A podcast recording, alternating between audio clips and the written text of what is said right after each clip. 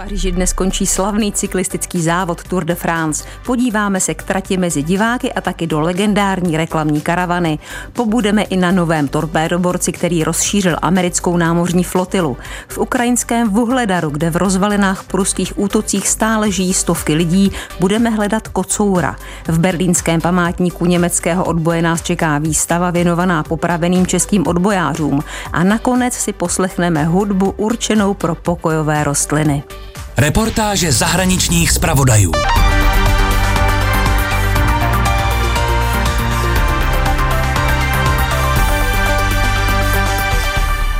Po třech týdnech dnes ve Francii končí slavný cyklistický závod Tour de France. Závodníky čeká poslední etapa a dojezd na pařížském bulváru Champs-Élysées. Cyklisté ujeli více než 3400 kilometrů a navštívili Španělsko, Pyreneje, jich Francie, francouzské středohoří i Alpy. K závodu už přes 90 let patří legendární reklamní karavana. Její průjezd ve francouzském městě Limoges natáčel náš zpravodaj Martin Balucha. Reklamní auta projíždějí po té stejné trase, po které za chvilku projedou sportovci a hází reklamní předměty divákům. A co hází? No všechno možný. Bombóny, trička, čepice.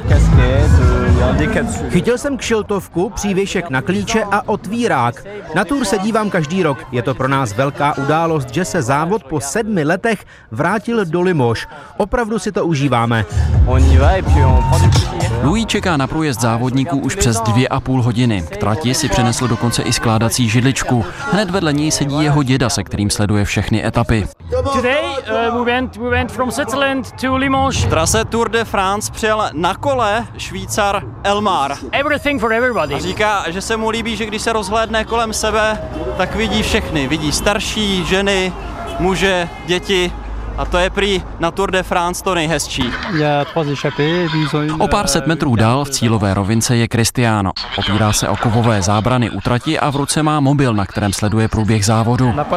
Je jasné, že člověk vše lépe vidí doma v televizi, ale tam mi zase chybí atmosféra. Před chvilkou jsem si povídal s jedním pánem, který je ze stejného regionu jako já.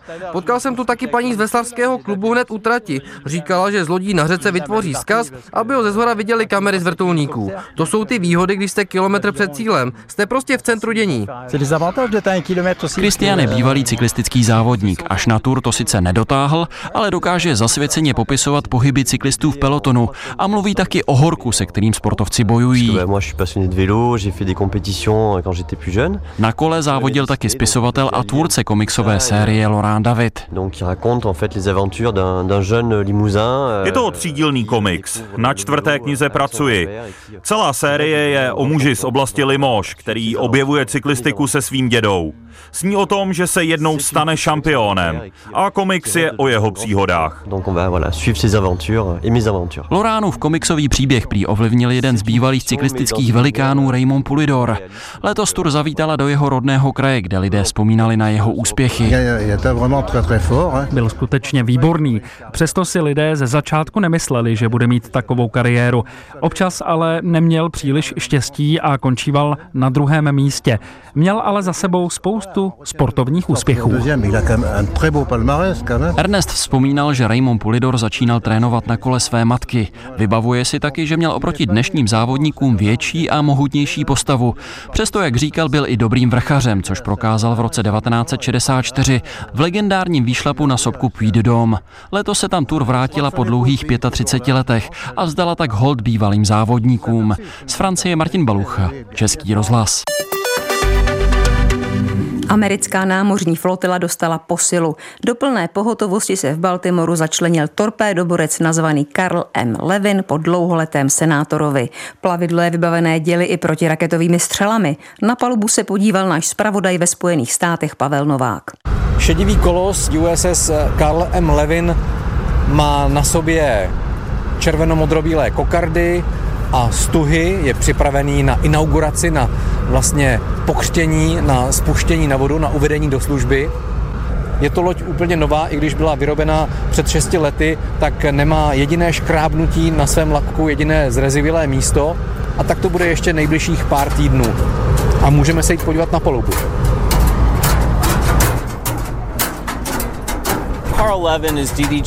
Torpedoborec Karl M. Levin je podle jeho velitele Kellyho Krafta v pořadí už 70. podobné plavidlo amerického námořnictva určené ke zneškodňování cílů na hladině, pod vodou i těch, co se relativně pomalu i velmi rychle pohybují vzduchem. Na palubě je i heliport.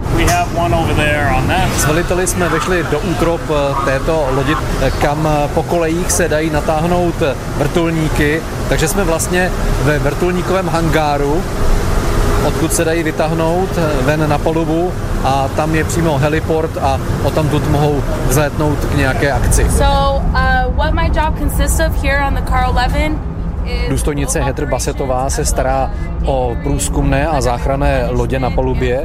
Jsou tady na každé straně dvě a využívají se hlavně k tomu, kdyby nastala situace muž přes palubu nebo někdo potřeboval někde zachránit, tak eh, tyto lodě spustí navijákem dolů a jsou připraveny okamžitě zasáhnout. We've got a pretty good range. We like to keep stuff as far away from the ship as we can. Nejtěžším kalibrem, největší zbraní na lodi Karl M. Levin je dělo, které je na přídi. Eh, má kolem sebe takový červený kruh, eh, kam se vlastně nesmí vstoupit, eh, když by se s ním operovalo, aby ta hlaveň někoho nezranila. Ale ani sám velitel nemůže říct, jestli má dostřel stovky nebo desítky mil, stovky rozhodně ne, ale prý dokáže spolehlivě zničit jakýkoliv objekt, který by se k téhleté lodi nepřátelsky přibližoval. Uvedení torpédoborce Karl M. Levin do plného provozu provázela trochu smůla. Všechno šlo jako na drátkách, jen oslavné salvy z děl nebyly slyšet.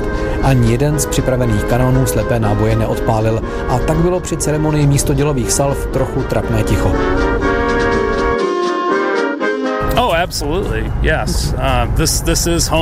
Výkonný velitel plavidla Mark Melia považuje loď Karl M. Levin za svůj domov. Pro námořníky, kteří sice čas od času dostanou dovolenou a mohou se podívat na pevninu, to je také místo, kam se vždy rádi vracejí. Every ship I've been on, uh, you develop that relationship with. Oba hlavní velitelé, pánové Kraft a Melia, neskrývají nadšení z toho, že tohle je jejich vůbec první uvedení lodě do ostrého provozu.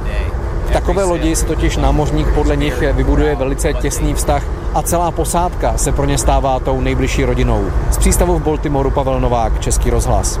Nový torpédoborec, to se nevidí každý den a proto jsme se domluvili s naším zpravodajem ve Spojených státech Pavlem Novákem, že se podělí o své zážitky z natáčení na jeho palubě. Zdravím tě do Ameriky. Hezký den. Jak jsi se, Pavle, vlastně dostal k tomu podívat se na palubu nového bojového plavidla amerického námořnictva? No já jsem vlastně dostal pozvání a seběhlo se to tak, že vždycky, když přijde novinář do Ameriky, tak si musí vyřídit akreditaci. Tu dostává od Foreign Press Center, což je vlastně organizace State Departmentu, ministerstva zahraničí.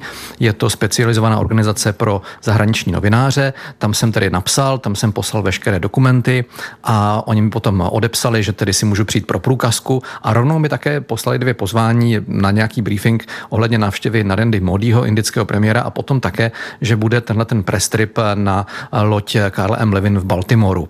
Já jsem tedy napsal, že na tu tiskovku nemusím příliš jít, ale že bych rád se podíval na tu loď, takže jsem tam opět poslal zase nějaké další dokumenty, které byly potřeba a potom mi přišlo, že tedy ano, jsem vybraný, můžu se dostavit tehdy a tehdy před tu budovu, že tam bude připravený autobus a pojedeme do Baltimoru. Byla tam ještě další média, byly tam třeba kolegové z Deutsche Welle, z Le Figara, ze španělské agentury EFE, byli tam čínští, japonští, korejští novináři a také jejich televize. No a tak jsme dojeli tím autobusem do přístavu, tam se nás potom ujali tiskoví ataše nebo tiskoví důstojníci námořnictva a byla tam pro nás připravená prohlídka té lodi s tím, že tam vždycky u každé té, řekněme, zbraně nebo u každého toho eh, místa, které nám chtěli ukázat, tak tam byla přednáška buď velitelů nebo těch vojáků zodpovědných za ty jednotlivé úseky. Bylo to první, co jsi byl na takové válečné lodi? Já si myslím, že jednou jsem byl s bývalým ministrem obrany eh, Keenlem v Norfolku na tamním velitelství Severoatlantické aliance. Tam jsme byli na nějaké letadlové lodi a na takovéhle, eh, která je úplně nová, která je připravená ke spuštění do provozu, to jsem byl opravdu poprvé. A bylo na torpédoborci Karl M. Levin něco, co by tě vysloveně překvapilo, co si opravdu nečekal? No překvapení bylo, což ještě tehdy na té letadlové lodi to nenastávalo, tam ještě tehdy nebyly chytré mobily, ale teď nám řekli, že musíme ty mobily nechat eh, v autobuse. Nesmělo se tam eh, jimi fotit, mohli tam fotit jenom kolegové digitálními nebo analogovými fotoaparáty, asi proto, abychom neposílali ty fotografie přímo eh, z paluby. A potom mě také překvapilo, že ti velitelé byli velice mediálně zdatní, sice opakovali takové naučené formulace, kterým like těžko rozumí, ale dokázali i odpovídat na otázky fyzicky, dá se říct, bez hnutí brvou, bez nějakých emocí, byli docela dobře vytrénovaní po této stránce. A potom mě překvapilo, že i v americké armádě může něco selhat, protože eh, když potom jsme dostali záznam eh, z toho, z té inaugurace té lodi, tak tam byla pasáž, kdy po nějakém projevu měly být dělové salvy a opravdu tam byl záběr na ty vojáky, kteří naládovali patronu, trhli tím závěrem a ono nic. Dobře, nic, nic se neděje. Další patrona Zase nic, nic se nestalo. Přešli k druhému dělu, naladovali patronu, zatáhli, nic. Čtvrtá patrona, zase žádná rána a ten voják se tak otočil k té lodi jakoby do kamery a jenom tak rozhodil rukama. Ty jsi ještě před naším rozhovorem naznačil, že jsi narazil na něco, co bychom mohli nazvat českou stopou. O co přesně, Pavle, šlo? No, tam jsem, eh, jak jsme tam procházeli, tak eh, každý ten voják má na sobě jmenovku a já jsem tam si všiml, že jeden má tam napsáno Blaha. A říkal jsem si, to je divný blaha, nebude to náhodou bláha. Tak jsem se ho ptal, když jsme přecházeli z jednoho konce té lodě na druhý, jestli nemá nějaké předky z Evropy. A on řekl, že ano, že ví, že prapradědeček pocházel z Bohemia. A já jsem mu říkal, no Bohemia to je Česká republika dneska. Jo, víte odkud? Nevěděl město, to nevěděl, ale říkal, že ano, že Česko, Bohemia, že tam byli jako jeho předkové a že opravdu se jmenovali Bláha, že to je takové, že to má akcent dlouhý. Tak jsem vylovil jednu samolepku českého rozhlasu a dal jsem mu a říkal jsem mu, podívejte se, takhle se to píše, takhle mluvil váš prapradědeček. A ten voják byl z toho úplně nadšený. K čemu bude tahle loď sloužit? K jakému nasazení američani budou používat? No ona teď eh, teprve přejíždí do Pearl Harboru na Havaji, tam eh, bude tedy mít svoji základnu, ale ti velitelé říkali, že se těší na to, až budou moci věc přístavu eh, na moře k nějakému úkolu, buď k japonským břehům nebo u Španělska, že jsou nějaké lodě také připravené. Možná, že budou muset jet na Tajvan, nebo pokud tam něco bude dít, kdo ví, ale na moji otázku, jestli náhodou nebudou třeba sestřelovat rakety, které teď hodně létají z východu na západ, někde v Evropě, tak říkali, že nepojedou do Černého moře, že i když mají výbavu na ničení raket, tak eh, ta odpověď byla velice strohá, ne, takové úkoly nemáme. To byl zpravodaj Českého rozhlasu ve Spojených státech Pavel Novák. Děkuji ti za povídání o zbrusu novém americkém torpédoborci a přeju ti hezký den. A já říkám naslyšenou. Posloucháte pořad Reportáže zahraničních zpravodajů.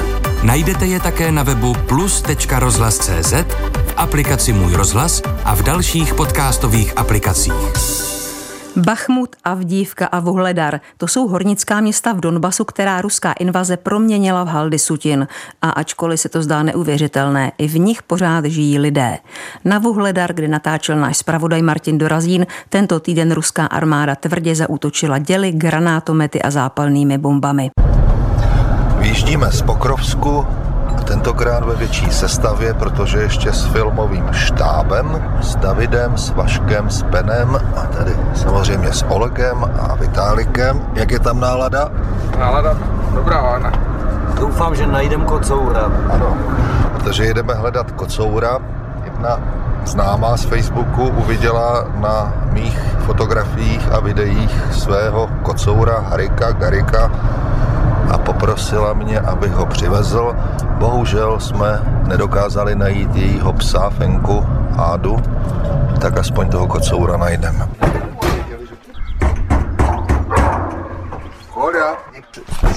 Есть, есть. Tentokrát jsme do Vuhledaru přijeli brzy ráno a jeho obyvatelé po těžké noci plné útoků ještě spí. Vyšel pan Kolia, povídá, pojďte rychle dovnitř, protože před chvílí tady lítal nepřátelský dron a pan Kolia se toho dronu trošku obává, protože, jak říkal, tak zrovna vaří oběd a rád by ho dovařil, ty brambory. Už je to rok, co s Olegem a Vitálikem, dobrovolníky, jezdíme do Vuhledaru s humanitární pomocí. S vodou, chlebem a potravinovými balíčky. 8, Sveta, na 8 dom. Chleba je určený přímo těm cílovým, řekněme, zákazníkům. Osmý dům, devátý, desátý, všechno funguje jako švýcarské hodinky. Přesně, rychle, zorganizovaně. Слушайте, ну мне их 8 штук, а? Я вам вожу, не, не так рассказывайте, что я вам не вожу. Привозите нам еще корм, пожалуйста. Největší deficit, jak se zdá, je tady krmiva pro kočky a pro psy. A tomuhle oni říkají, že je klid, jo. Ne, ne, běž blíž k těm lidem, dělej zblízka. Detaily dělej. Filmaři David, Ben a Vašek jsou tady vůbec poprvé a tak jim to tady musím ukázat, včetně podzemí, kde žijí obyvatelé Vuhledaru.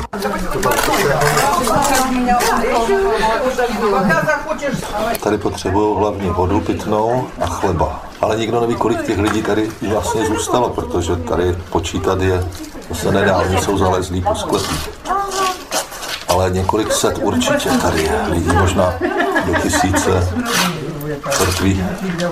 Dobré utro. A nakonec jdeme hledat kocoura Garika, kvůli kterému jsme sem vlastně taky přijeli. Может, он сейчас наверху едет, и он явится. Да, он И сразу. такое может быть. Привет. Это отсюда, отсюда. Tak Garika Harika jsme nenašli, on je nemocný prý a většinou dne někde spí ve sklepě. To se nedá prohledat, tady těch sklepů je milion. Ale zkoušeli jsme to, teda paní Íra to zkoušela. Takže on přijde, já tady nechám tu přenosku se žrádlem a s miskama a třeba se ho podaří nějak chytit a pak ho převezeme do Dnipropetrovsku, kde by si ho měla převzít dcera paní Jeleny. Lavíte kata. Vitálik, no, pětnice sobota. Z Vuhledaru Martin Dorazín, Český rozhlas. Berlínské vězení Plecnze bylo jedním z deseti míst, kde nacisté popravovali české odbojáře. Téhle méně známé epizodě se věnuje výstava, která tento týden začala v Berlíně a v září se objeví i v Praze. Náš zpravodaj v Německu Václav Jaburek se byl podívat hned na její otevření. Všichni představitelé odboje, samozřejmě s výjimkou doby, kdy třeba fungovalo stané právo, byli postaveni před lidový soudní dvůr, to znamená odvezení na eh, půdu Německa. Za výstavou stojí historik Jan Boris Uhlíř. Češi si tak vyslechli rozsudek od německých soudů a na území tzv. říše byla řada z nich i popravena. Jen v Berlíně takhle padlo na 600 odbojářů. Nejméně třetinu z nich tvořili Sokolové. Neznáme žádnou jinou organizaci než Sokol, která by byla v první republice československé tak eh, nacionálně orientovaná. A já si myslím, že to prostě pochází z toho, že eh, oni to brali jako určitou i snad pohanu eh, ten vstup německých vojsk v březnu roku 1939. Podle Uhlíře bylo pro výstavu těžké sehnat podporu. Nakonec jí hostí památník německého odboje v Berlíně. Na grafických panelech jsou příběhy některých popravených, kteří na dlouhá desetiletí úplně upadli v zapomnění. Upřímně řečeno, já samozřejmě si velmi vážím eh, všech, kteří položili své životy v souvislosti s atentátem na zastupujícího říšského protektora Reinharda Heydricha. Ale když se podíváte, jak je tohle téma každý rok prezentováno, tak jsou tomu pořád stá, stejní lidé, kteří to komentují pořád stá- stále stejné fotografie, nic nového se už v podstatě k tomu ten najde. Jinými slovy, mohli bychom se posunout od Heydricha někam dál. A já se domnívám, že zrovna toto téma se nabízí. Německojazyčná část výstavy se vrací k událostem, od kterých v srpnu uplyne 80 let a při kterých z velké části umírali právě Češi. Jeden spojenecký nálet na Plecenze zničil gilotinu a nacisté ve vězení spustili vražednou akci. Tématu se věnoval profesor Johannes Tuchl. Die sogenannten Blutnächte von Plötzensee sind die größte Massenhinrichtung. Za krvavé noci v Plecenze označujeme tu největší hromadnou popravu, která se v tomhle vězení provedla. Po náletu na Berlín tam jen za čtyři dny oběsili na 250 lidí. Nacistické vedení totiž nařídilo, aby se tresty smrti vykonaly bezodkladně. Jména obětí i pachatelů historici znají, stejně jako jednu smutnou pravdu. Nach 1945 ist von denjenigen. Po roce 1945 nebyl nikdo z těch, kdo měli na svědomí české, německé nebo jakékoliv jiné oběti, ať už to byli zástupci nacistických lidových, zvláštních nebo válečných soudů, nikdo z nich nebyl pohnán k odpovědnosti. Jejich činy zůstaly nepotrestané. Ungesühnt geblieben. Podle Tuchla je i proto důležité, aby se o nacistických zločinech dál mluvilo a zkoumaly se i ty méně známé události. Man nicht bewältigen. Minulost se nedá změnit, můžeme ji leda zkoumat a víc si přiblížit. Chceme některé epizody dějin lépe pochopit, podívat se na ně kriticky a udělat si ucelený obraz. Při diskuzích o historii musíme mít na stole všechna fakta, nic nezamlčovat ani neschovávat. Dějiny si pak cestu ke skutečné pravdě najdou sami. Geschichte holt sich ihre eigene Wahrheit irgendwann wieder zurück. Uzavírá profesor Johannes Tuchl. Z Berlína Václav Jabůrek, Český rozhlas. V roce 1973 vyšla ve Spojených státech kniha Tajný život rostlin. Tvrdila mimo jiné, že rostliny jsou vědomými bytostmi, které umí komunikovat s jinými druhy. Vědecká komunita knihu tvrdě odsoudila. V populární kultuře ale rostliny získaly nové místo. Experimentální hudebník Mort Garson navázal na myšlenku mezidruhové komunikace a pro rostliny složil album. Deska zazněla v živém provedení ve slovenské premiéře na letošním festivalu Pohoda, kam se vydal i náš zpravodaj Ladislav Novák. Je pět hodin ráno, před hlavním pódiem se po protančené noci schromáždil překvapivě velký dav. Lidé přišli jako každý den festivalu na poslední koncert přivítat slunce, zpomalit a zrelaxovat se, než zamíří do stanů. Obzor nad Trenčínem se začíná barvit do oranžova, spoza hor vstává slunce a z pódia se ozývají první tóny.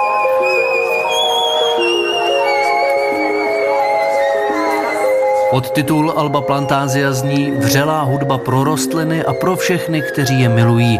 Na betonové letištní ploše toho moc neroste, takže dnešní koncert bude zejména pro lidské publikum.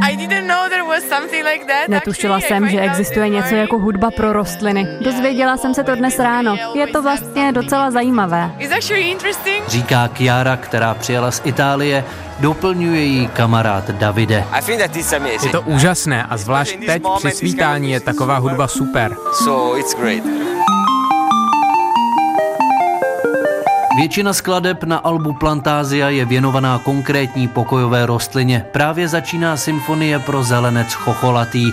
Ještě nás čeká óda na africkou fialku nebo hudba ke sklidnění zběsilého tchýnina jazyka. Mort Garson složil album Mother Earth's Plantasia v roce 1976 na syntetizátoru, který zaplnil menší místnost. Vznik desky je spjatý s květinářstvím v Los Angeles. V obchodě ji buď prodávali nebo rozdávali k zakoupeným rostlinám. V tom se prameny různí. Album z konce 70. let o deseti skladbách doplňuje jedna nová část. Je věnovaná slunečnicím, symbolu festivalu Pohoda.